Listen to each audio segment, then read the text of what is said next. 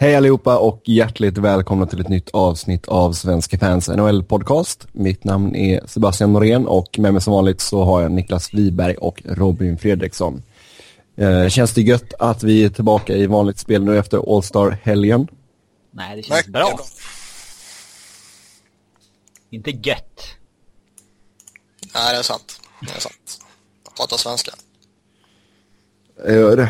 Uh, I vilket fall som helst, nu när vi nu ska vi prata hockey och inte dialekter. Um, Mike Richards i LA eh, passerade waivers och blev nedskickad till Manchester Monarchs i AHL. Uh, eh, slutet för Richards, Niklas? Uh, slutet vet jag väl inte om det är. Jag, jag tror att man kommer eh, försöka vilja ha honom där nere en, en viss period och eh, förhoppningsvis kommer han ju eh, göra väldigt bra ifrån sig, förhoppningsvis för Kings då, eh, göra väldigt bra ifrån sig där nere och eh, antingen kallar man upp honom och så kanske han eh, eh är bättre än vad han var tidigare och kan fylla en större funktion för dem. Eller så kanske man kan få något lag till att ta honom. Mm. Så jag, jag, jag, tror inte att han, eh, liksom att det är det sista vi har sett av honom i NHL. Det är jag rätt så övertygad om. Mm. Nej, Hur mycket alltså, var det man sparade nu egentligen med att skicka ner honom? Det är inte ens en miljon. Nej, 975 000 tror jag det landar på. Ja, ja men det. Uh, men det hade man... Det var väl ganska såklart att han inte skulle claimas. För att de de sa att de hade försökt trada honom men att det inte gick. Då är det ingen som vill ha honom. Eh, så är det ingen som kommer ta honom på waivers heller. Eh, Fast det var ju, det var ju lite snack eh, om det bara är på eller om det finns någon substans, det vet jag inte. Men, men de hade ju pratat med Toronto typ. Där det sägs då att Toronto hade erbjudit dem typ Clarkson mot Richards. Men att LA kontrade med att nej men vi vill ha Gardiner istället. Ja. Och, och, och liksom... Ja, det är skillnad. Ja, det är en helvetes skillnad. alltså, förväntar de sig att få förväntar de sig att få det utbudet om de ska trada Richards, då är de ju riktigt sneknullade liksom. Ja, men hade de förväntat sig det, då hade de inte satt honom på waivers. Nej. Så, så, att, eh, så det har jag svårt att tro på.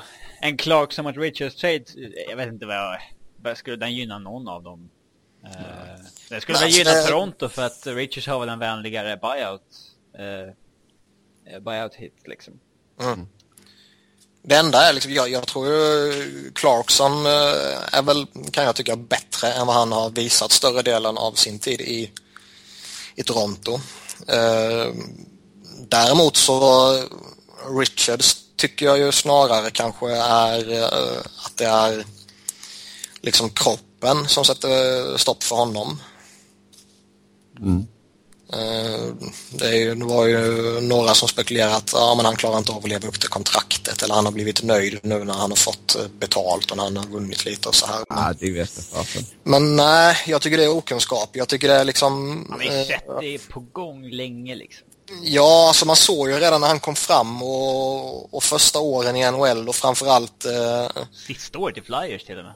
Ja, liksom när, när, han hade nått eh, sin högsta nivå så att säga så märkte man redan där att, um, att han har en spelstil som uh, det är liksom ohållbart. Uh, framförallt vad det verkar som så här verkar han inte vara den här uh, uh, det här naturliga fysiska fenomenet som, som vissa NHL-spelare kan vara ju. Igenla. Ja, utan han verkar ju jag menar Mänsklig? Inte att, ja, jag menar inte att han är otränad eller något på det sättet utan mer en, en vanlig människa. Jo, men han är en tränings... En träningsprodukt. Ja, men så är det. Och, och... Alla, alla Kim Källström. Jaha. Ja. Men det, det, det, är ingen riktig podcast utan man får nämna Kongo. Nej.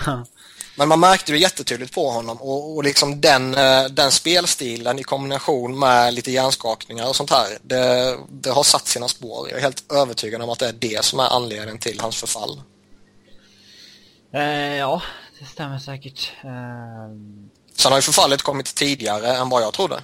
Han har inte missat så mycket matcher dock. Alltså det är ju... Han har ju spelat mycket. Uh, mm. Jag vet inte, han har knappt missat en match i, i Kings. Han missade en tiotal matcher första säsongen, men that's it, mm. typ. Uh, men... Uh, ja, alltså... Det är tragiskt, killen är inte ens 30. Alltså... Hade man varit ett annat NHL-lag så hade man nästan velat ta honom av liksom Mercy. Liksom. och det, jag tror att han är tradable om Kings behåller tillräckligt med lön. Ja, eller ta ett likvärdigt kontrakt tillbaka så det bara handlar om att eh, byta problem mot problem.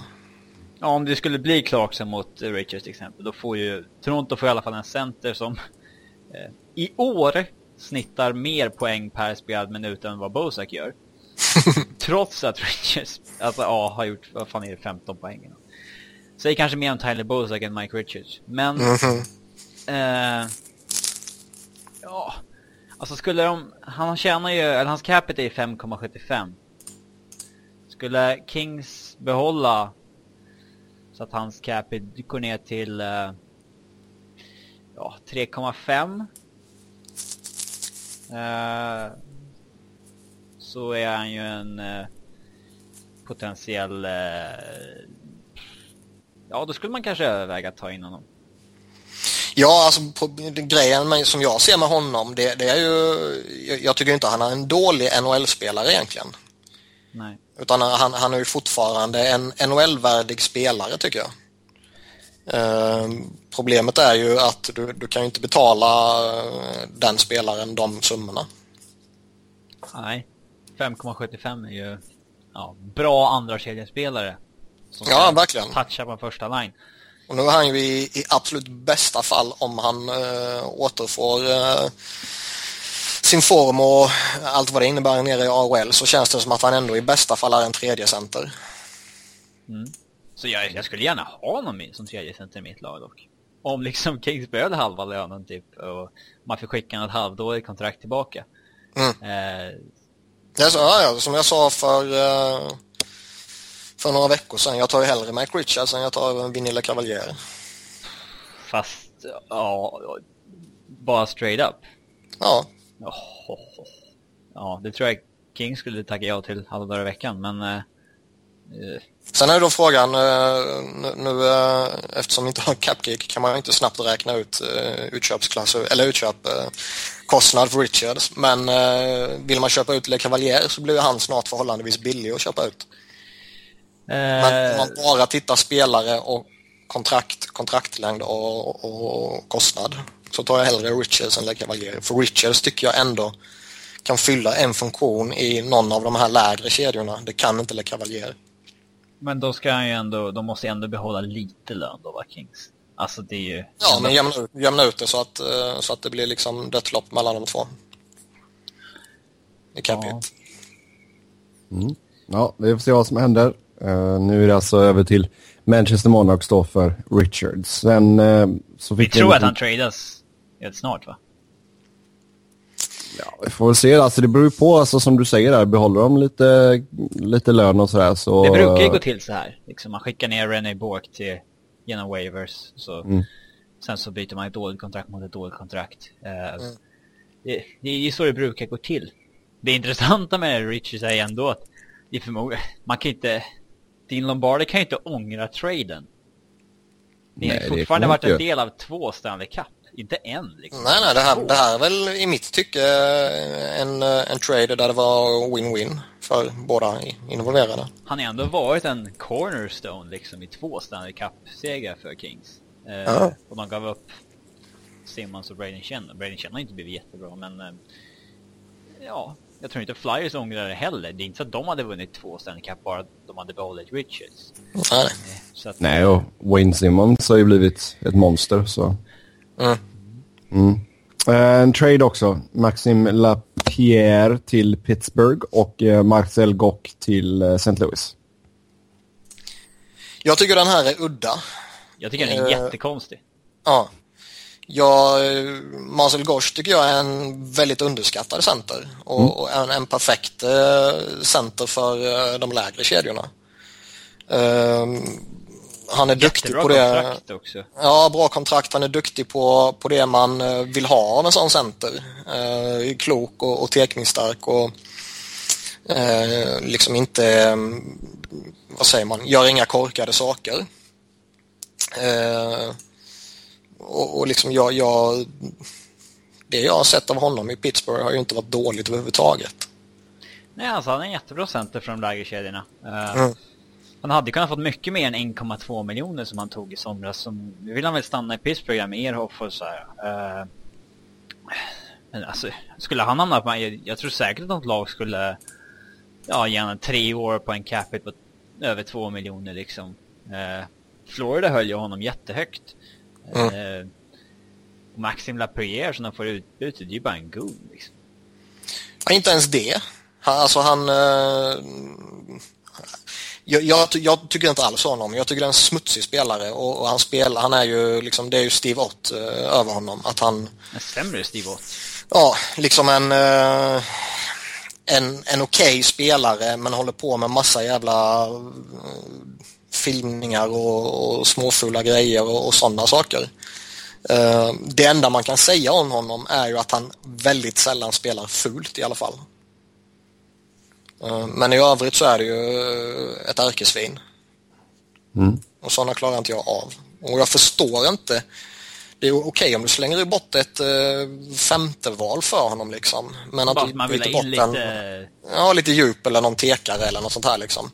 Men att du ger upp eh, en sån här eh, spelare i utbyte, det tycker jag är synnerligen märkligt. Ja, jättekonstigt trade. Eh, Hur, hur passar då Gock eller Gosh in i Blues? de får väl ersättning till Sabotka som de inte fick i somras. Eh, alltså de fick ju in Lehtere och eh, Stasny i somras men de har ju fortfarande... Alltså alla lag kan hitta en plats för Marcel Goch. Alltså Mm. oavsett om du... Är det Pittsburgh som föreslår det här så tackar du ja till det bara utan att liksom... Utan att tänka ens. Det är ju... Ja, innan de hinner ångra sig. Ja, det, det finns ju inget så här direkt hål för i deras lineup för honom eller så där. Det är bara det att... Ja, han kommer väl spela fjärde center eller någonting med, med just Steve Ott och Ryan Reeves eller någonting. Och det känns ju som en mycket bra fjärdekedja. St. Louis, vi får se hur det går i slutspelet men uh, börjar ju få li lite sådär, är det dags nu? Ah, det vet jag fan. Men jag, det känns som att Rutherford, Pittsburghs eh, GM då, här, här gör han väl kanske en... Ja, det var lite den gamla skolan i honom som gör den här traden. Liksom. Så, alltså för att... Fan, har de någon al- anali analytics department så... Uh, så lär ju inte de ha samtyckt med den här traden. Marcel Gocha är ju en, en populär spelare bland fantasy stats-folket och Lapierre är ju en, en dålig spelare. Liksom. Eh, Mm.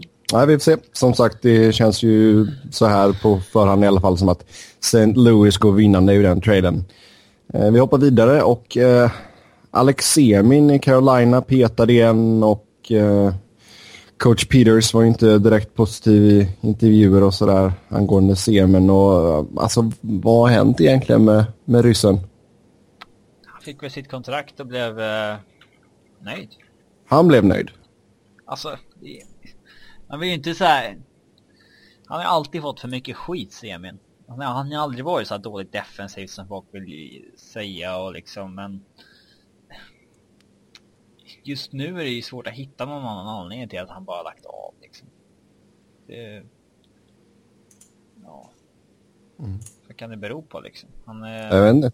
Han kanske har... mm, Jag vet inte, ingenting om hans privatliv, men det kanske har hänt någonting i hans privatliv. Kan mycket väl vara sådana saker men, men det är ju, nå, någonting är det ju och, och, och ska man uh, snacka om det som uh, vi kan snacka om, vilket liksom är det på isen, så, så är det ju en annan spelare idag än vad det var tidigare. Uh, av någon märklig anledning. För jag tycker ju att man märker tydligt när man tittar att det är inte den spelaren som gjorde ändå, ja, så ändå gjorde avtryck i Capitals. Eh, Den spelaren är det ju inte längre. Hans första säsong i Carolina var kanske hans bästa i karriären också. när han krigade för att få ett nytt kontrakt där. Eh, Mm. Så i fjol var det ändå bra, eh, trots att laget var dåligt. Men, ja, vad som har hänt i år, jag vet Jag vet inte. Det, Sen har det väl inte, det, har ju inte varit en enkel miljö i Hurricanes denna säsongen med, Nej, med inledningen de hade och eh, skador på nyckelspelare och de har väldigt få eh, etablerade duktiga spelare. Men med det sagt så är det ändå flera spelare som trots allt har gjort det eh, godkänt. Som eh, om man tittar, liksom snackar på det klassiska pappret som borde vara sämre än honom. ja. Svårt att förutse hans framtid nu liksom. Det, det snackas ju lite buyouts och sådär men... Alltså, Har de verkligen råd med det? Nej, alltså om jag var GM i Carolina från Francis så hade väl jag... Jag tror inte att det är omöjligt att trada honom om man behåller halva lönen som är max man får behålla. Mm. Då får han alltså en capita på 3,5 kommande tre åren efter det här. Jag tror inte det är helt omöjligt. Jag tror, alltså han är ju ändå en bra spelare egentligen. Eh, ja, kan, kan, kanske Capitals vill ta tillbaka han till den prislappen eller jag tror inte det skulle skada Carolina särskilt mycket heller. De kommer ändå ha liksom problem att komma över lönegolvet kommande åren. Så att... Eh, Problemet som finns är väl snarare om de har råd. Alltså... ja men de måste ju ändå. Alltså de måste ju ändå ha, komma över golvet. Jo, men har man, har man råd att betala 3,5 miljoner för någonting du inte kommer, eh, alltså en spelare du inte kommer använda? Nej, jag ser väl inte något... Sen samtidigt så, jag menar de senaste, vad är det, tre eller fyra matcherna har de ju betalat 7 miljoner för en spelare de inte använder. Ja, alltså det är väl bättre än att köpa eh, ut honom. Eller... De kommer ju vara så långt under golvet så de kommer ju behöva det där ändå. Alltså de kommer ju inte förlänga med Cam Ward till 6 miljoner. De kommer ju inte...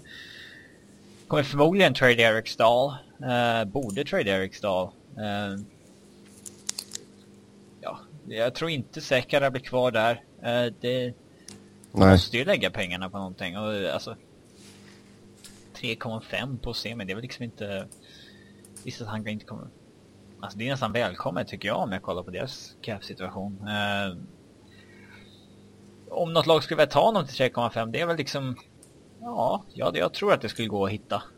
Eh, visserligen är det ju tre år kvar, vilket är lite långt kanske, men...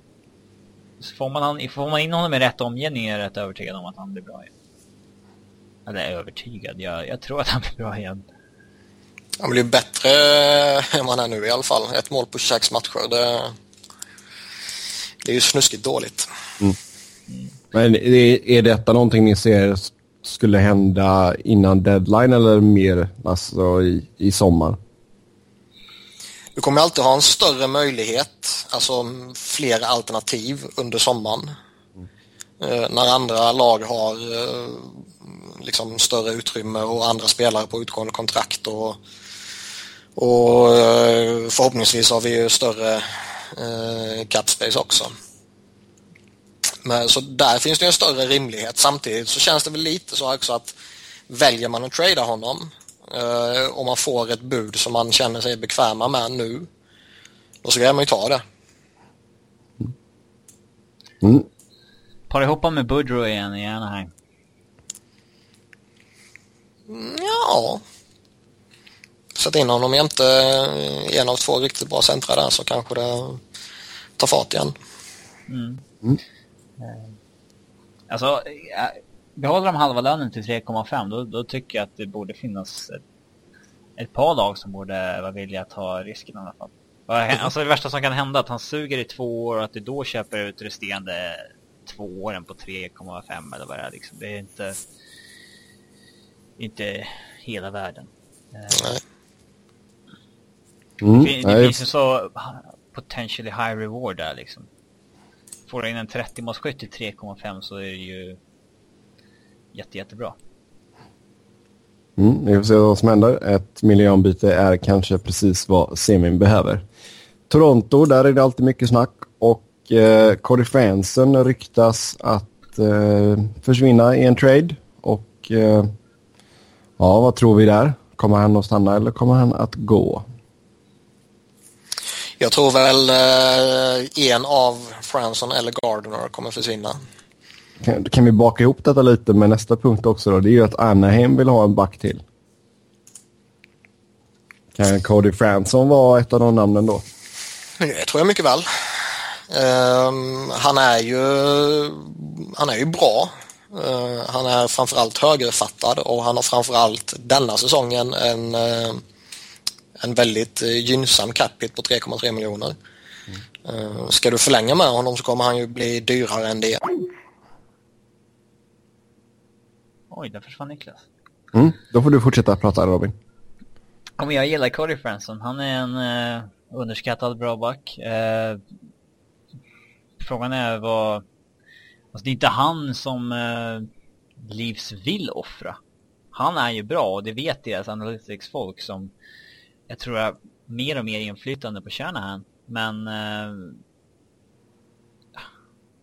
det är nog svårt att flytta på antingen han, uh, att inte flytta på antingen han eller Gardner. Mm. Uh, men jag gillar honom, men grejen är att hans kontrakt går ut i sommar och just nu ser det inte ut som att de kan förlänga för att de har signat så många andra dåliga kontrakt. Eh, mm. Jo men alltså jag, jag tror att så hade Carlisle varit kvar så hade jag ju mer trott att Gardner skulle ryka. För det, det känns ju aldrig riktigt som att, att Carlisle gillade honom riktigt. Um, men nu när Horacek är, är liksom coach här så ja, Fransson kan ligga pyrt till och det, det är som sagt, alltså Anaheim tror jag kan... De skulle nog gynnas av att ta in honom tror jag. Det är många som vill ha en högerfattad back. Det har ju pratats mycket om eh, O'Reilly och Leafs också, men det är väl naturligt så det gör väl alltid. Eh, jo. Ja, och sen Detroit har det ju alltid snackats högerfattade backar om också den här säsongen. Mm. Man vågar aldrig göra den där riktiga, riktiga traden liksom. Eh, så att... Eh, ja, vi... Eh, vi får se helt enkelt. Jag tror att han är, han kommer väl kräva den på kring 5 miljoner i sommar. Så att, mm. eh, dålig ja, alltså det, marknad.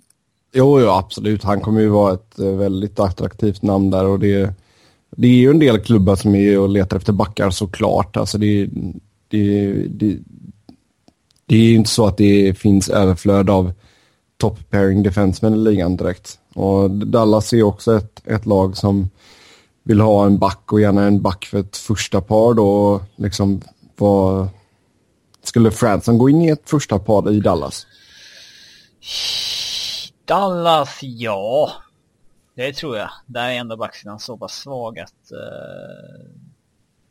det, det, skulle han nog. Eller, jag... känner, du, eller känner du att Dallas har pusselbitarna för att gå efter ett större namn? Ja, hur många större backnamn blir tillgängliga? Egentligen. Det är, det är få som är villiga att bjuda bort bra topp 4-backar. Mm. Uh, jag vet inte. Jag tror... De gör ett misstag om de släpper honom i alla fall. Det, det finns andra pusselbitar i Leafs de kan släppa tycker jag. Uh, jag fattar inte varför de signade det kontraktet med Stefan Robida till exempel. Uh, Nej. Nej, det kan jag hålla med om. Då visste man ju att man antingen skulle att man skulle få svårt med Gar äh, Franson och han är ju bra mycket bättre så att äh, nej, de, äh, de får det tajt. Ja, alltså överlag så känns det som att det börjar bli lite absurt där uppe i Toronto faktiskt. Ja, med sådana så många dåliga kontrakt att de mer eller mindre måste göra sig av med några bra spelare nu. Mm. Visst, de vill ha kvar Centerelli också, han har varit jättebra, de vill ha kvar Winnick. Eh, vill jag definitivt ha kvar Kadri. Uh, Bernier ska ju förlängas med och han ska göra betydligt mer än 2,9 som han har spelat på hittills. Så att, uh... mm. Mm, vi kan ju gå, hoppa över till Nassim Kadri där då. Alltså, sägs ju att man har börjat på alltså, förhandla om ett nytt kontrakt och det går att snacka om fem år med 4,5 miljoner i cap hit. Ja, det tycker jag låter rätt rimligt för honom. Han är ju en eh, en, an, en andra line center typ. Borderline, mm. att han kanske kan bli en bra första. Eh, han är väl ingen så här jätte, jätte favorit för mig, men det är en, en bra center. Alltså han, eh, han är betydligt bättre än Tyler Bosak som de har mycket större förtroende till. Eh, mm. Eller har haft under Carlisle i alla fall. Eh, hur det står till längre, det vet man inte, men eh, Jag gillar Kadri. Skulle de få honom på King bara strax över fyra på fem år så tycker jag att de har gjort det jävligt bra med den, den affären i alla fall. Ja, exakt. Jag har gjort en bra affär i alla fall. Ja, det... Ja, han var ju över 50 poäng i fjol och uh, var nästan point på game under lockout-året. Det var ju visserligen många då, men... Um, alltså det är inte många centra som gör över 50-60 poäng. Det är, det är ganska sällsynt. Um, jag kommer ihåg på, eh, jag tror att TSN eller Sportsnet igår där Ray Ferraro var med och han han pratade ju om O'Reilly och sa att eh, att han, i hans bok så vet han inte om O'Reilly är en riktig andra center eller inte eller om han är en tredje center för att i hans bok så ska en andra line center göra 60 poäng. Eh, men tittar man på NHL i fjol så var det bara 21 centrar i hela ligan som gjorde 60 poäng. Ja, jo, men där, där är det väl lite att han fortfarande är lite i det gamla tänket va? Tror du inte det? Ja, att, att han lever kvar i gamla, att första centern mm. gör en poäng på match, andra centern gör 60 poäng på en säsong. Ja, exakt. Eh, så mycket poäng görs det inte igen. Alltså man, man får ju sätta standarden efter alltså vad som görs. Alltså, mm. vad, vad gjorde de 30 bästa centrarna i NHL i fjol? Liksom? Är man strax under där, då är man ju en bra andra center. Det, är mm. liksom, det styrs ju av produktionen i ligan. Kan inte, jo, man kan inte bara sätta en fast siffra och så här, så där mycket ska man göra för att vara bra. Liksom, utan... Nej, exakt. Det är liksom bara, ah, men Sidney Crosby gjorde inte 100 poäng. Ah, men då hade han en dålig säsong. Mm. Det är, men, men. Det är, men som sagt, jag tror att det kan nog bero lite på vad, vad han var van vid förr, så att säga. Um, vi fick besked om att Martin Brodeur gick i pension. Eh, flyttar in på Blues kontor och blir assistant GM. Eh, vi pratade ju lite om detta förra veckan, att det skulle vara ett ovärdigt slut ifall detta var det sista vi såg av Brodeur och eh, ja, tyvärr så hade vi rätt. Mm. Det Jag tycker att det är så ovärdigt att han skulle, alltså vad fan skulle han göra sju matcher i Blues för? Ja, nej, nej, jag håller med dig. Det är... Jag fattar inte grejen, alltså det... Och ska han jobba någonstans kan vi fan inte... Ska vi vara i Devils, inte i Blues.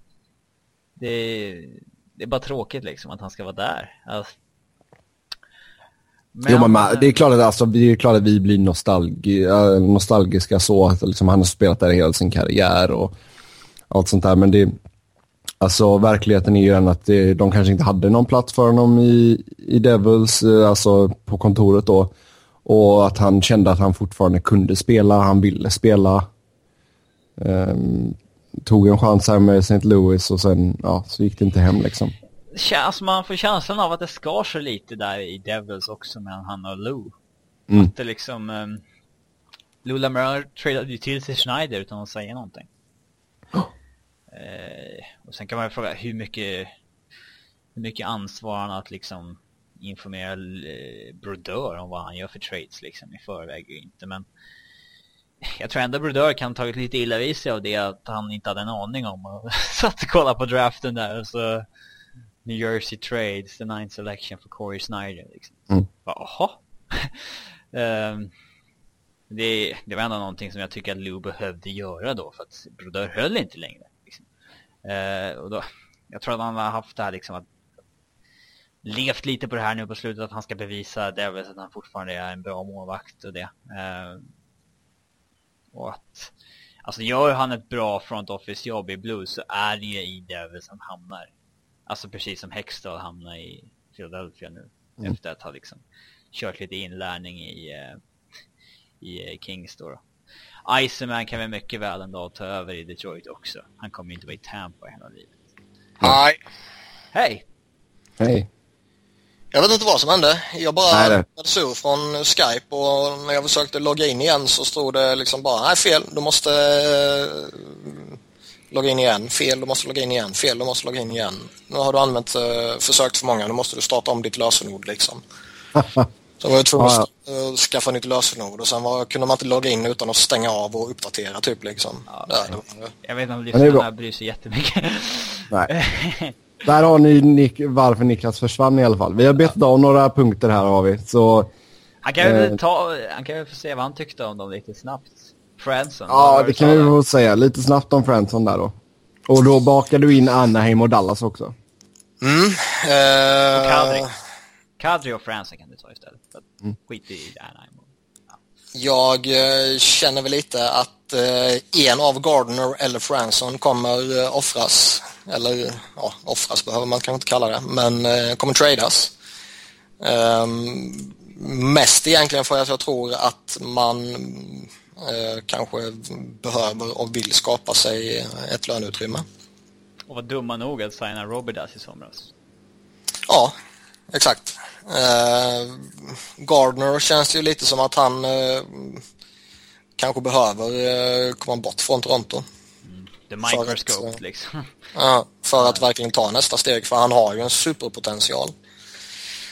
Um, Cody Franson eh, tycker jag har ett bra kontrakt eh, på 3,3 miljoner denna säsongen Eh, och jag tror han kan vara väldigt attraktiv att ta in i en trade. Uh, tack vare det kontraktet och det faktum att han är högerfattad då. Eh, vill man förlänga med honom kommer han nog kosta 5 miljoner däremot. Exakt vad jag sa. Exakt vad Robin sa. Ja. Och sen eh, lite snabbt om Nassim Kadri där då. Rykten om fem år och 4,5 miljoner capita. Skulle Vi får se om han säger exakt vad jag sa. Ja. Eh, jag tycker väl att det är eh, lite väl mycket kanske. Jag eh, skulle väl inte vilja signa honom till det. Samtidigt så tittar man på deras situation idag, om de ska fortsätta med samma trupp, så är han ju väldigt nödvändig för dem. Deras bästa center. Ja. Ehm, sen är det ju ett jävla svaghetstecken om han är din bästa center. Jag tycker att det är rätt bra kontakt om de håller han precis över fyra liksom. För att med tanke på hur mycket poäng han gör och att han, han har ju... Fan, alltså fan... Sätt, koll, sätt han med JVR och Kessel i 30 matcher och kolla hur mycket poäng han gör då liksom. Mm. Fan kan de klämma ur så där mycket poäng i Bosak med de två så fan... Ge det en riktig jävla chans med Kadri någon gång. Ja, det kan jag hålla med Sen, om. sen i, i en perfect world så måste ju, eller måste, så vill väl Toronto ha en riktig första center med dem, men hur fan hittar du en sån liksom? Det är inte, Eric, Eric Stahl. ja det vet fan om han fortfarande är liksom. Eller han tillhör väl de topp 30 bästa centren i NHL fortfarande, i alla fall, ja, på håret till det. Eh, Men, eh, Men det tycker jag. Kan, kan, man, eh, kan man få in honom eh, och, och förlänga med honom till eh, ett rimligt kontrakt, då tycker jag att Toronto ska göra det. ja Om, du- om vill, du inte måste spränga hela talangbanken för att få honom liksom. ja men liksom vad vill, eh, de- har ju inte cap-utrymmet för en stal och de, eh, då måste de skicka lön tillbaka och Carolina vill ju inte ha lön tillbaka. De vill ju ha prospects och draftval och Ja, men får, får de Jake Gardner tillbaka så tror jag de tar hans fyra miljoner med glädje. ja, kanske. Mm. Eh, sen snackade vi lite också om Martin Brodeur då, att han gick i pension där. Ja, jätteväntat och eh, jätteovärdigt eh, slut på en eh, väldigt bra karriär såklart. Då Det hoppar känns- vi vidare. Ja, det känns, liksom, det känns som att eh, den här, det kommer alltid vara en plump i protokollet, det här jävla experimentet i blues. Sju matcher och så under, under 90 räddningsprocent. Ja, fruktansvärt meningslöst liksom. Ja. Ja, Men tror du att, ja, jag är inne på att han liksom, vart lite lack på Devils och Lou när de tradade till sig Schneider utan att säga någonting. Han har liksom velat bevisa att han fortfarande är en bra målvakt att han inte riktigt är det. Så det är kanske det som har drivit honom till det här. Det är därför han hamnar i Blues front office nu och inte Devils också. Fast han har ju alltid varit, eh, han har alltid haft en, en verklighetsbild som eh, målar upp honom själv som så mycket bättre än vad han egentligen är. Alltså all, allt ifrån när han blev eh, petad som målvakt i OS eh, och, och liksom han stod i första matchen, 2010 var det väl har jag för mig. Och så blir han eh, petad sen när Bobby Lou går in och tar över och efter så snackar han ju om att eh, ja, men mitt OS tog slut efter första matchen. Eh, till att han eh, ja, har sett sig eh, här mot slutet eh, som en betydligt bättre målvakt än vad alla andra eh, vet att han är. Han var ju inte nöjd i Nagano 98 också när uh, Ra stod, eh, när Ra ställde som krav att han skulle stå alla matcher hela OS som han skulle med. Så att mm. Brodeur inte fick en enda match. Mm, det är rätt. Det bevisar bara ännu en gång att målvakter är väldigt speciella. ja. uh, vi går vidare i programmet då och uh, New York Rangers har visat intresse för Antoine Vermette i Coyotes och vad tror vi om Vermette i Rangers? Skulle han passa in? Bra center lyfter väl många lag men mm. jag ser liksom inget lag som borde trada honom. Alltså trada för honom om man inte får någon skada på centerpositionen och en eh, legitim contender eller någonting. För det, det kommer kosta en del att få honom och man kommer inte kunna behålla honom liksom. Så om man behåller honom så gör man ju ett misstag. Så att... Uh, nej, alltså... Sätt mig som GM i vilket lag som en annan som helst och jag hade inte tradat för honom. Alltså vad tror du priset för honom är? Han sitter ändå så utgående kontrakt liksom. Ja, men han är väl den bästa centern på marknaden. Mm. Det brukar väga högt. Uh, minst ett andrarumsval är en bra prospect i alla fall. Ja, jag tänkte säga det. Det är ju inte så att du behöver ge upp ett första rundsval i alla fall. Inte i den här årets draft i alla fall. Jag tror Nej. generellt att det kommer ges upp mindre, alltså precis som det var för något år sedan att det, ja i fjol var eller förfjol, att uh, det inte ges upp första val längre i samma takt som tidigare. Eh, för att det är en jävligt bra draft. Mm. Mm. Jag tror väl annars att just han skulle passa in rätt väl i Rangers om man bara tittar på det behovet. Um, för de behöver ju kunna rulla uh, väldigt många duktiga centrar med tanke på att de inte har uh, den där stjärnan att luta sig mot. Och då menar jag centerstjärnan. Mm. Um, Stefano och Brassard är duktiga centrar. Men eh, ska man liksom utmana och, och, gå hela vägen så behöver du en jävligt bra centeruppsättning. Vermette skulle ge dem en jävligt bra centeruppsättning. Sen är det som Robin säger, det kanske skulle kosta mer än det skulle smaka. Mm. Ja, sen eh, Rangers grannar New York Islanders eh, snackas om att de inte ska göra någonting inför deadline. Och eh, tittar man på deras trupp så tycker ni att det det håller. Det där är lite intressant. Man, man vill ju... Alltså när, när du har tagit det här steget som man... Nu har väl ändå gått så många matcher så man får väl säga att de trots allt har tagit det här steget så vill man ju på något sätt bygga vidare på det. Och en del av det skulle ju kunna vara att stärka upp laget med en eh, någon kanske etablerad värvning, någon, någon eh, veteran som, som eh, har varit med förr och så här. Samtidigt om man vänder på det så vill man verkligen trixa för mycket med det som väl har börjat fungera nu. Nej, alltså det är väl mest om man har lite skador och sådär. Jo, men det, det, det är liksom ändå... Det är sista chansen att vinna direkt. Nej. Nej. Visst, Kyle Poso kommer vara borta rätt länge och det kommer vi till så småningom. Så där skulle det kunna finnas en öppning. Men sen samtidigt så de har ju ändå spelare och de har så pass många spelare som är unga och som man fortfarande kan slänga in i en position för att testa. Mm. Uh, alltså jag ser inte, de, de har ju ett bra lag och de, ja, de har inte kvar sitt första val, de har inte kvar sitt andra val. Ska de liksom trada bort ännu mera? De har redan gett upp lite prospects och sånt där som för att uh, Alltså jag skulle inte vilja byta bort några av dem som de har på uppgång nu. Liksom. Det är de som ska vara den nya Islanders. Så att, uh, jag hade inte, inte varit särskilt sugen på att... Uh, jag, tror, jag tror det är deras första val i kommande drafterna i fjärde rundan. Mm. Så att uh, de har inte många draftval ge upp och... nej, jag hade inte velat byta bort några av deras yngre spelare. Mm. Ja, om vi vänder på pannkakan där och Ottawa sägs vara redo att släppa veteranerna om man inte är med i slutspelsracet då eh, vid trade deadline. Och tittar vi på de lite äldre herrarna i, i Senators så har vi Craig Anderson som är 33. Vi har en eh, 36-årig Chris Phillips. Um, vad har vi mer? Vi har David Legwand 34. Chris Neal 35. Sen är de flesta där runt ja, 20, 26. Den enda som jag eventuellt skulle överväga att gå efter det är nog Legwand. Mm. Men det är lite sådär, han, han har ändå ett år till. Skulle han varit penning UFA skulle jag kunna tro att han skulle kunna vara rätt uh, attraktiv faktiskt. Eh, men med ett år till så minskar ju alternativen för honom i alla fall. Ja, här får du nästan räkna in alltså 29-åringarna som veteraner här. Alltså då har du ju Clark MacArthur och Mark Method till exempel. De har ju satt Colin Greening på waivers också. Mm, han clearade, precis. Ja. Eh,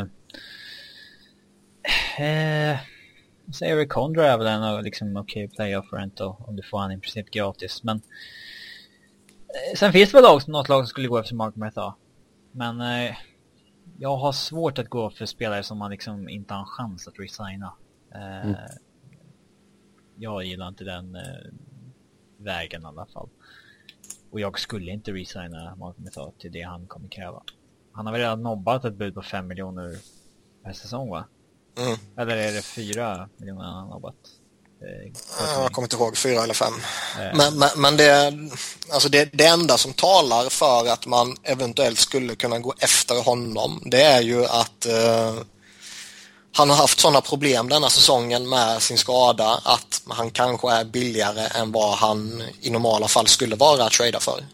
Mm. Så man skulle ju ta en chansning, för jag menar har du missat eh, har missat 40 matcher eller någonting med 30-40 matcher med ryggproblem, då är det ju inte direkt någonting du, um, du kan lita på om du tradar för honom. Uh, så jag vet inte riktigt hur... Uh, alltså det, det, det, är en chansning men är inte priset alldeles för mycket så kan det vara en chansning som är värd att ta. Om du inte uh, kan få typ en Cody Franson som vi pratade om tidigare. Mm. Eh, Craig Anderson då? Finns det någon marknad överhuvudtaget för honom? Hade funnits om de inte förlängde med honom. Mm. Där gjorde de ett jävla misstag som vi har sagt för.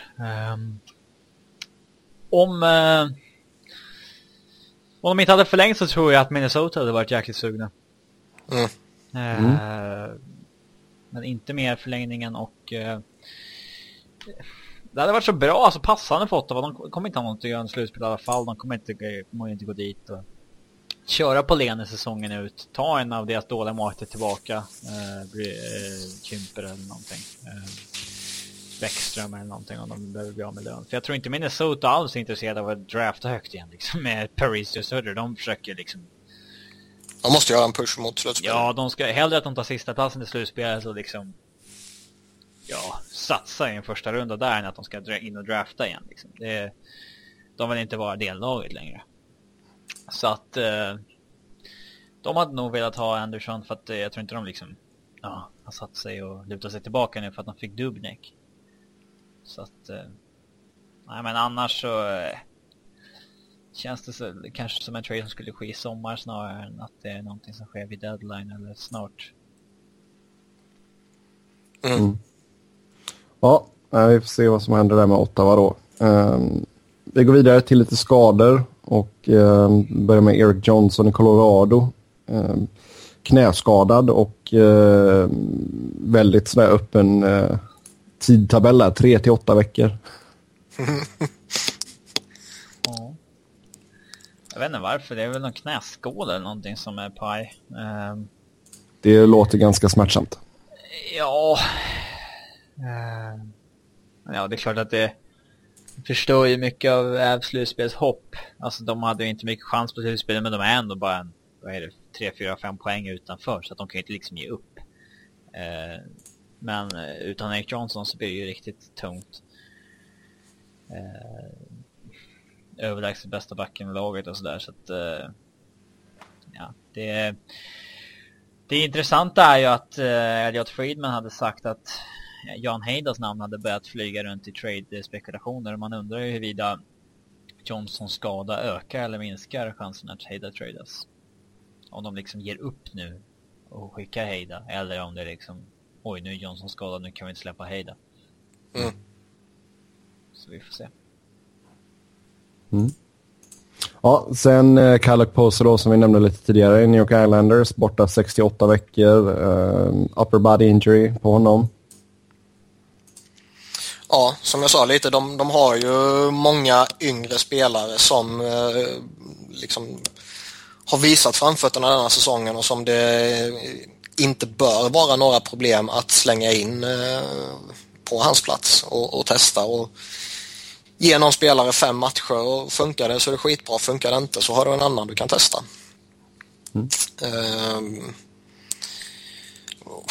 även om Okposo är duktig givetvis och uh, är viktig för dem som uh, han har ändå varit där länge och han är uh, en av de här ledarna, veteranerna som de har i laget trots allt ju.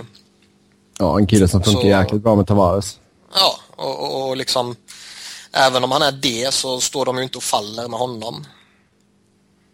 Utan det, det, finns ju andra, det finns ju flera spelare jag skulle räkna upp som är viktigare för Islanders än vad han är. Trots att han är väldigt duktig. Oh. Uh, sen vet man ju inte, alltså känner de att eh, det blir för tunt eller de behöver någonting då fan gå efter Jaromir Jagr och släng in han där liksom. Ja. Sen eh, Sergej Bobrovski, Columbus, eh, borta fyra till sex veckor, gymskada. Eh, hyfsad vanlig skada som vi ser på målvakter ändå. Eh, Bobrovski är den som spelat upp sig tycker jag i år. Och, alltså just hur, alltså hur viktig är han för Columbus och deras chanser att ta sig till slutspel? Det här var väl spiken i kistan att det inte blir någon liksom, push för playoffs. Eh, mm. De eh, de var väl en 10 poäng utanför. Eh, så att eh, det såg redan tungt ut men de var ju ändå ett lag som ville satsa, precis som Minnesota, skulle göra en push för. Mm. Eh, så vi får väl se vad, vad de gör nu men jag skulle väl tro att de ger upp slutspelshoppen och ja, det blir ju en eh, kanske att de tradar av någon spelare snart och sådär. Så att eh, ja, de får väl eh, se efter det, efter skadeperioden vart de ligger, men jag tror att de har tappat mark då, eller fortfarande kvar en lucka som är rätt stor, men att det är allt för få matcher kvar för att det ska bli något, bli något av det. Mm. Yes, och sen till sist då Dion Phaneuf i Toronto. Eh, han är week to week med en upper body injury. Mm, han verkar skadad sedan han fightades, snackas det om. Mm. Och det är alltid populärt när en lagkapten som inte bör fightas, fightas och blir skadad. Japp. Ja, eh, man vet ju vad som kommer hända. Toronto har ju varit pissdåliga på sistone. Eh, det går inte att bli sämre. Så kommer de göra lite bättre resultat de kommande veckorna för att de kan ju inte vara så här dåliga hur länge till som helst. Utan förnuft och så kommer liksom han få skulden för att det var dåligt då. Mm. eh, ja, så att det, ja. Det kan ju inte gå sämre liksom. Men eh, visst, de tappar en bra back. Mm. Ja, sen uh, lite avstängningar, eller en avstängning har vi. Det är Zach Rinaldo. Uh, vi pratade lite om det förra veckan. Han fick åtta matcher då för boarding slash charging på Crystal Tang i Pittsburgh. Ja, jag sa väl att jag vill ha tvåsiffrigt och uh, med tanke på att jag nästan alltid brukar säga lite mer än vad det blir så känns väl åtta matcher eh, sett till hur NHL bedömer saker och ting rimligt. Du är nöjd ändå? Ja, jag skulle gärna ha ännu mer för att slippa se skiten. Men eh, åtta matcher liksom för, för det han har gjort och, och de korkade kommentarerna han säger efteråt som jag verkligen hoppas de har tagit med i bedömningen också. Och med tanke på att han har en historia, han vart ju avstängd senast eh, i april. Så, så ja, åtta matcher är väl rimligt. Mm. Eh, ja. Men det är liksom fortfarande... Fan vad jag hatar honom. ja, härligt. Ja. Mm. Då hoppar vi vidare och eh, vi tar och snackar lite om All-Star-helgen först. Uh, var det någon av er som såg någonting? Nej. Nej. Var det bara jag?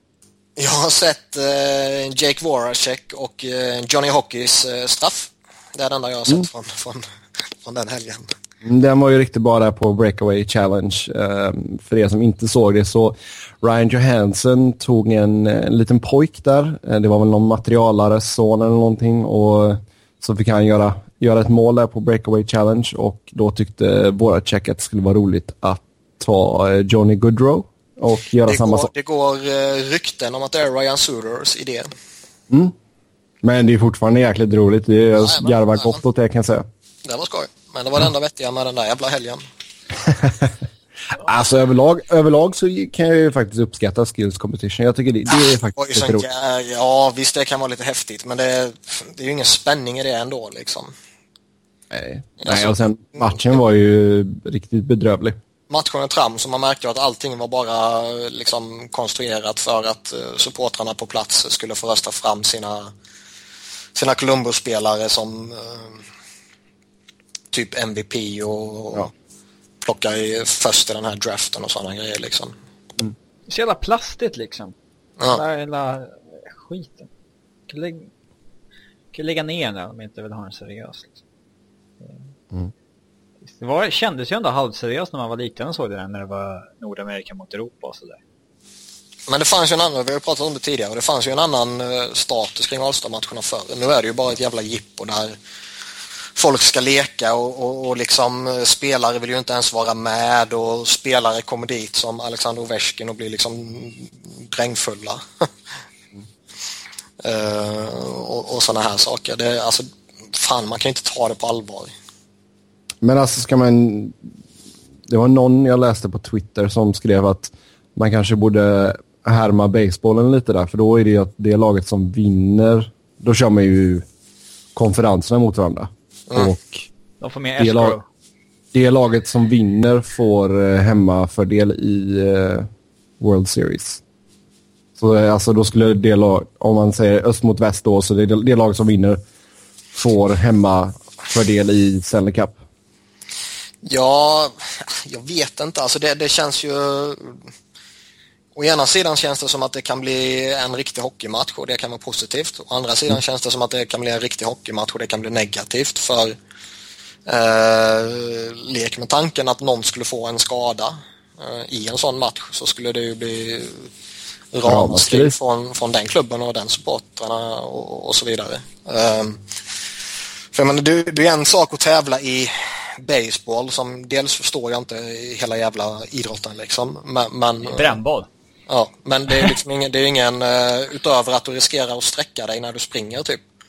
Eller sträcka dig när du slår till bollen med, med slagträdet så är det ju ingen skaderisk på det sättet.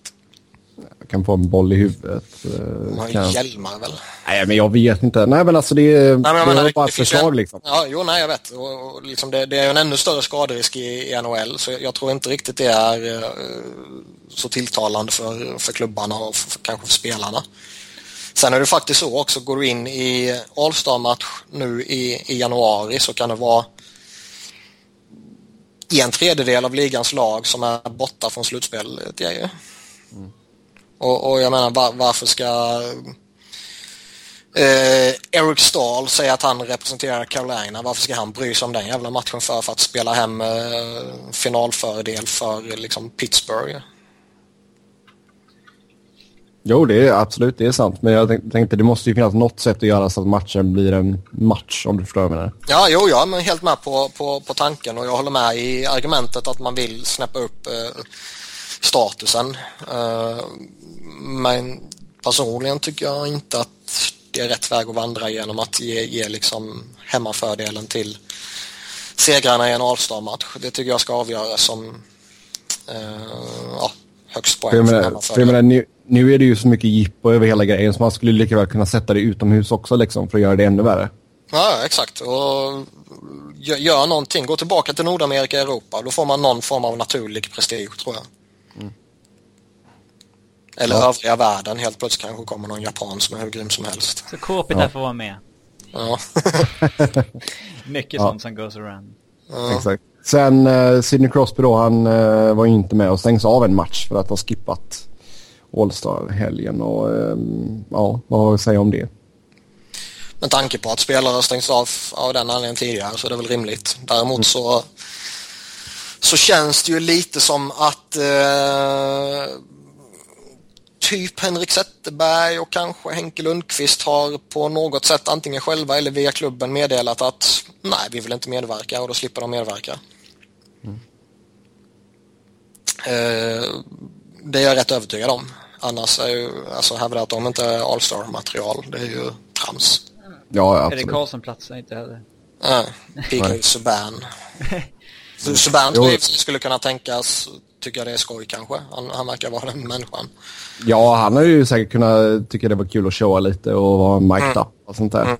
Men det finns ju alltid spelare som helt enkelt inte bryr sig om det och, eh, och som då slipper undan. Så då känns det lite märkligt att, eh, att det blir på det här sättet. Men... Jo, men jag tycker alltså den enda behållningen i matchen var ju, var ju Chris Sutter, eh, Daryl Sutters son. Eh, när han kallar, kallar över, eh, vad han kallar över? Det var nog Kane han kallade över och bara, ah, vi ligger under med fyra nu så gör fem mål så vi vinner liksom. Ja, inte svårt. Så, nej men alltså det, det var ju liksom den enda, enda behållningen där att Chris Sutter är ju verkligen riktigt cool. Um, en turnering som har lite mer prestige då, det kommer ju vara World Cup. Och um, vi har ju redan snackat om detta men um, nu verkar du vara lite mer planerat och sådär. Och, uh, ja, vi kan väl dra detaljerna lite snabbt. Det skulle ju vara Kanada, USA, Ryssland, Sverige, Finland och Tjeckien och sen ett uh, uh, ja, internationellt All-star-lag ett, uh, i, ja, vad ska man säga, nordamerikanskt Young Guns-team. Um, alltså vad tycker ni om detta? Jag tycker det är skräp. Ja, det jag tycker inte sagt. som det. det. Vi har sagt det tidigare det ska vara en, eh, en turnering för nationer och det är inte det här. Eh, vill man, tycker man nu att eh, lagen utanför topp 6 är så jävla skräp, då kör man en sexnationers turnering i så fall. Mm. Mm. Den uh... så. Och får man inte ihop det utan man vill ha åtta lag som man får slutspelsträd och hela grejerna då då eh, kör man åtta länder. Det är inte svårt att fatta. Jag, jag tycker det här är liksom respektlöst mot eh, typ Schweiz och Slovakien och, och Tyskland och eh, Lettland och Norge och alla liksom nationerna som är utanför topp 6. Mm. Ja, så, um, Ska vi ta ut ett litet eh, internationellt All-star-lag lite snabbt då? Ni får bara kasta ur lite namn som borde vara med. Uh, jag har tagit ut en uh, line-up. Uh, ja. De tre målvakterna är Jonas Hiller, Jaroslav Halak och Fredrik Andersen. Mm. Backbesättningen består av Roman Jossi, Christian Erhoff, ett andra backpar med Sidon och Shara Seidenberg. Uh, Andrei Sekara, Mark Streit och ett fjärde backpar med Mirko Mueller och Lukas Pisa. Uh, min forwards lineup är första kedjan Gaborik, Kopitar Hossa. Tvådje kedjan. Uh, Tvådje kedjan. ja. Tatar, Grabowski, Zuccarello. Tredje kedjan Bödker, Nielsen, Nino Niederreiter. Fjärde kedjan Antoine Rosell, Marcel Gage och Semgus Girgensons. Så att jag dissar alltså Bermer, Fiala, Grabner, Ehlers, Dreisaitl lite. Men, ja. Vanek dumpar du? Eh, ja, jag måste ha glömt honom. Det är, man hittar, alltså det är, ja, du har säkert glömt honom också Niklas. Nej. Nej. Nej men jag har, Vanek jag har, eh, jag har samma målvakter och backar som du hade rabblat upp. Det finns ju inte så jättemånga. Nej. Det är det som är... Nej, de tar ju slut efter Spise. Ja, lite så är det. Det finns de åtta och sen kanske det kan komma fram någon, eh, någon ung eh, talang liksom som man inte har en aning om. Alltså det är ändå nästan två år till dit så. Det är ju svårt. Med forwardsbesättningen, jag har liksom Gabrik, Kopitar, Hossa. Vanek, Nielsen, Tatar, Bödker, Eller, Zuccarello, Grabner, Grabowski, Niederreiter och Girgensons. Sen finns det ju några som är liksom Mikael Raffel, gör han bra, ja då kanske han blir aktuell. Rosell kan bli aktuell, Bellemare kan bli aktuell. Eh, några som här unga kids som man inte riktigt vet var de, de står. Leon Dreisaitl kan mycket väl vara eh, andra centern efter Kopitar så att säga om två år. Uh, Nikolaj Ehlers kanske är skitbra. Ja. Sven Berchi om han lämnar Calgary kanske exploderar. Eh, nej. Men, nej, det tror jag inte. Eh... Nej, men det finns ju några sådana spelare. De där unga är ju svårt att operera in och tan tanken är väl att vi skulle ta ut våra lag då som, som, som vi tror det kommer se ut 2016 och inte som vi vill ha det nu. Mm. Och, och, och, då är det ju en drös sådana där unga som liksom man, man mycket väl vill uh, vill nämna för att de kan ju faktiskt vara skitbra. Dreisaitl kan vara allt från tokskräp i Edmond till Edmonton till att vara som sagt riktigt jävla bra. Sen kan man vända på det också. Det finns några gubbar som mycket väl kan ha tacklat av. Eh, jag är helt övertygad om att Chara kommer komma med om han fortfarande spelar, vilket jag tror han kommer göra. Men eh, med tanke på vilken utvecklingskurva han har haft mot slutet så skulle jag ju inte förlita mig på honom som första back. Nej. Men det finns ju inte så många andra som kommer upp, alltså på uppgång så att det, mm. han är ju med. Mm. Nej, det är det är ifall någon rookie går in och tokdominerar liksom. Mm. Um, om vi tittar på det nordamerikanska juniorlaget då, eller vad nu ska säga, under U23-laget. Alltså skulle ett sånt lag kunna hävda sig? Svårt att tro det. Mm. Det, det är få Nej, som är under 23 alltså, som är bra. Mm. Ja. Där blir det, och där har du väl alltså just målvaktssituationen där också? Ja, John Gibson, där kan du få en skitbra målvakt ju. Ja. Oh Om inte han, han är uttagen i USA. Som kanske gör det för att minska competition. Det... Ja, men exakt. Jag menar, Kanada tar ut Aaron Ekblad och eh, McKinnon. Nathan McKinnon och, och vad finns det mer? Eh, Connor McDavid typ liksom, bara för att de inte ska spela där. men får att minska de... konkurrensen. Men hur funkar det, alltså rent, alltså, nu har inte jag läst alla detaljerna, men skulle det vara så att Kanada och USA bara får ta spelare som är över 23 då? Jag vet fan. Det, det, känns, det kan nog faktiskt vara en grej. Jag vet inte, det är jipp och skit oavsett vad de hittar ja. på, men vad fan. Det, det, är möjligt att det blir så. Mm. Jag tycker ja. att nej, det...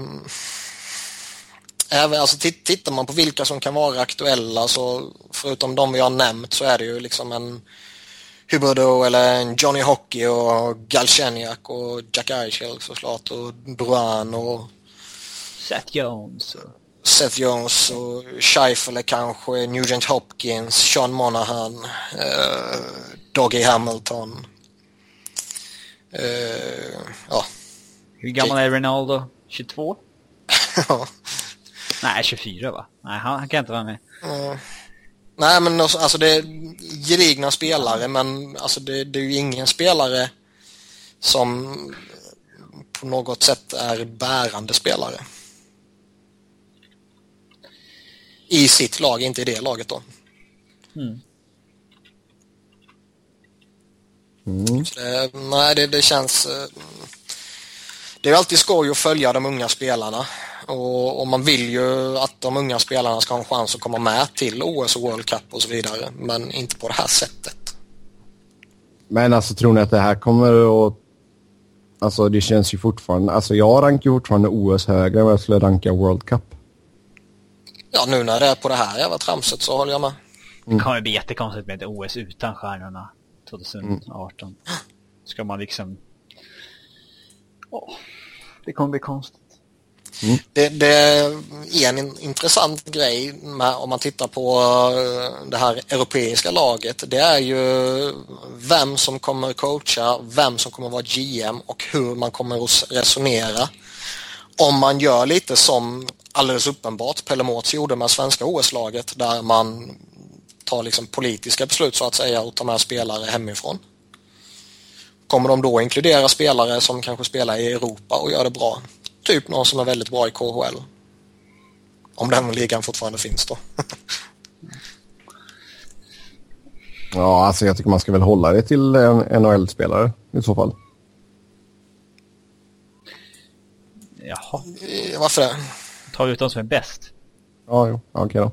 Den arrangeras visserligen av NHLPA, det här skiten. Men, mm. Eh, ja.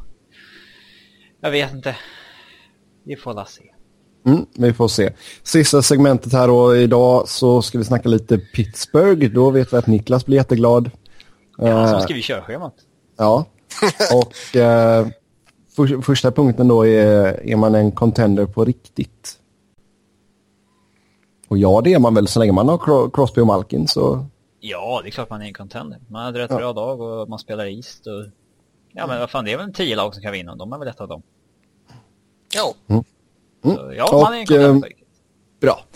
Eh, man har ju haft lite problem med skador. Eh, Malkin är ju borta just nu. Det Bland är en annat. förbannelse över den här klubben. Det spelar ingen roll vilket år. Det är, Nej. ja.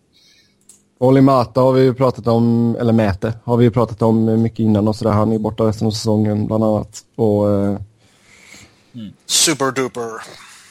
mm. kan, behöver man göra lite mer trades här nu då för att kunna liksom cementera sin plats? Inte om det är trades i, av, på den nivån som Garch mot LaPerriere. Då har man inte mycket till lag kvar snart. Så, ja, jag vet inte, man kanske går efter någon back för att ersätta Mäte. Det är mycket möjligt.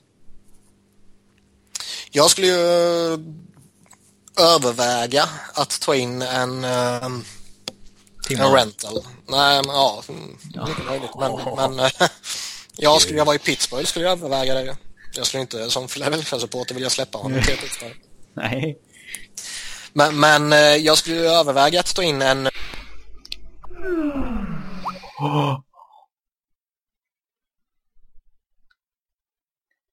Helvete!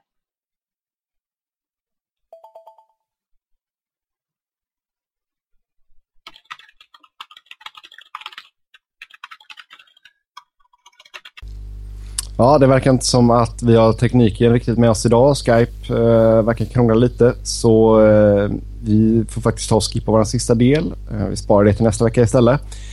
Eh, vi säger tack och hej för denna veckan. Som vanligt så går det jättebra och eh, snacka hockey med oss via Twitter. Mig hittar ni på att Eh, Niklas hittar ni på att Niklas Wiberg. Niklas med C och enkel V. Och Robin hittar ni på R underscore Fredriksson. Tweeta era kommentarer, eh, förslag på vad ni vill att vi ska diskutera så hörs vi igen nästa vecka. Tills dess, ha det gött. Hej!